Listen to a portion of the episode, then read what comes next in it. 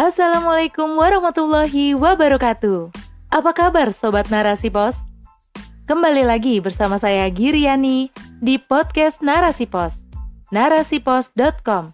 Cerdas dalam literasi media, bijak menangkap peristiwa kunci. Rubrik opini.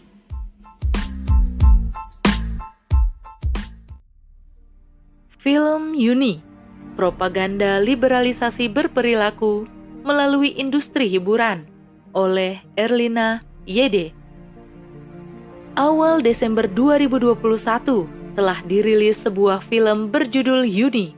Film ini berlatar di Serang, Banten dengan menonjolkan budaya patriarki yang kuat. Penguatan budaya ini dipertegas lagi dengan menggunakan bahasa Jawa Serang dalam seluruh dialognya. Yuni sebagai karakter utama dalam film ini digambarkan sebagai anak SMA yang ingin meraih cita-citanya bersekolah tinggi hingga jenjang kuliah. Pada saat masih berstatus pelajar, Yuni sudah mendapatkan lamaran dari pria hingga tiga kali. Semua lamaran itu ditolak Yuni. Menurut adat setempat, pamali jika seorang perempuan menolak lamaran hingga tiga kali. Dengan penolakan ini, si perempuan juga tidak akan bisa menikah. Yuni pun akhirnya mendobrak semua tekanan dalam hidupnya dengan pilihannya sendiri sebagai seorang perempuan. Pilihan yang menurutnya bisa membahagiakan kebebasan dan kebahagiaan. Sutradara film Yuni, Kamila Andini, mengungkapkan bahwa ini adalah film tentang pembebasan diri seorang perempuan. Ide film ini didapatkannya ketika berbincang dengan seorang ibu yang memiliki seorang putri dan harus menikah dalam usia muda. Camilla juga menyampaikan bahwa film ini menyelipkan isu tentang perempuan yang mencoba membebaskan diri dan melawan norma sosial daerah tentang kodrat perempuan. Film sudah menjadi tontonan yang digemari siapa pun juga hingga saat ini. Film menjadi uslub yang mudah untuk menyampaikan pesan dan propaganda sesuai dengan tujuan sebuah film dibuat, termasuk film Yuni yang juga syarat akan pesan kebebasan berperilaku, khususnya bagi perempuan. Yuni yang digambarkan sebagai perempuan yang ingin mendobrak budaya patriarki dan mencari kebahagiaannya sendiri. Awal adegan film ini memperlihatkan Yuni yang sedang memakai baju seragam sekolah dari bagian pakaian terdalam hingga seragam sekolah. Dari adegan awal ini saja, sudah menyelipkan pesan kebebasan perempuan yang menunjukkan auratnya, padahal dia adalah seorang muslimah. Belum lagi pilihan Yuni untuk melepaskan keperawanannya dengan begitu mudah kepada lelaki teman sekolahnya. Adegan-adegan dalam film ini syarat dengan aktualisasi pembebasan perempuan, seperti yang dikatakan oleh sutradaranya. Apa yang diharapkan dari film seperti ini? Tentu sesuai dengan pesan kuat si pembuat film, yaitu memberikan kebebasan pada perempuan atas tubuh dan pilihan hidupnya. Tidak boleh ada lagi yang mengekang pilihan hidup yang sudah dipilihnya sebagai perempuan. Pilihan yang ditunjukkan dalam film ini adalah pilihan yang membebaskan diri dan menjauhkannya dari aturan Islam. Pilihan Yuni atas pembebasan dirinya dari tekanan hidup mungkin disangka akan mendapatkan kebahagiaan.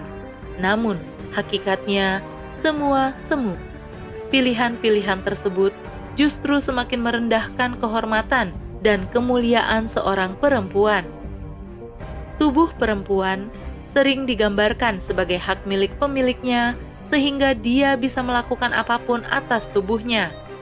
Dia lupa bahwa perempuan adalah makhluk ciptaan Allah. Hanya Allah yang berhak mengaturnya. Perempuan tidak boleh sembarang membuka auratnya karena Allah Subhanahu wa taala telah mewajibkan perempuan untuk menutup auratnya dengan sempurna.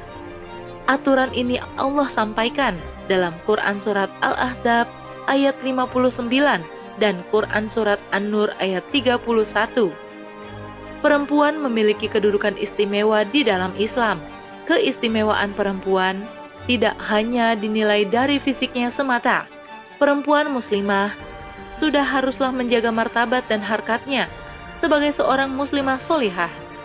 Banyak hadis dan ayat di dalam Al-Quran yang menjelaskan tentang istimewanya seorang perempuan. Islam menempatkan perempuan sebagai makhluk paling mulia yang harus dijaga.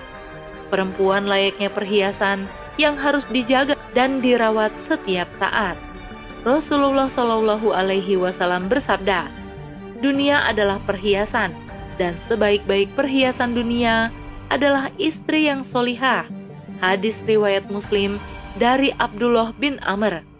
Allah Subhanahu wa taala berfirman dalam Quran surat An-Nisa ayat 34 yang artinya laki-laki atau suami itu adalah pelindung bagi perempuan atau istri. Karena Allah telah melebihkan sebagian mereka atas sebagian yang lain, dan karena mereka telah memberikan nafkah dari hartanya. Sebuah hadis menyebutkan, jika seorang wanita menunaikan sholat lima waktu, berpuasa di bulan Ramadan, menjaga kemaluannya, dan menaati suaminya, niscaya akan dikatakan kepadanya, Masuklah ke dalam surga dari pintu mana pun yang kamu mau. Hadis riwayat Ahmad. Sangat disayangkan jika tawaran masuk surga dari Allah diabaikan begitu saja bukan? Keistimewaan perempuan juga disebutkan dalam hadis berikut dari Musa bin Muhammad bin Ato, Abu Al-Malih, Maimunah dari Ibnu Abbas radhiyallahu anhu. Ia berkata, Rasulullah Shallallahu alaihi wasallam bersabda, "Surga itu ada di bawah telapak kaki para ibu. Siapa yang mereka kehendaki, maka mereka akan memasukkannya, dan siapa yang mereka kehendaki, maka mereka akan mengeluarkannya." Masih banyak ayat dan hadis yang menggambarkan betapa mulianya perempuan dalam Islam. Harkat dan martabatnya akan terjaga dengan mulia ketika perempuan mau mengikuti aturan penciptanya, kemuliaan yang akan membawa pada penjagaan dan kebahagiaan hakiki. Wallahu a'lam bishawab.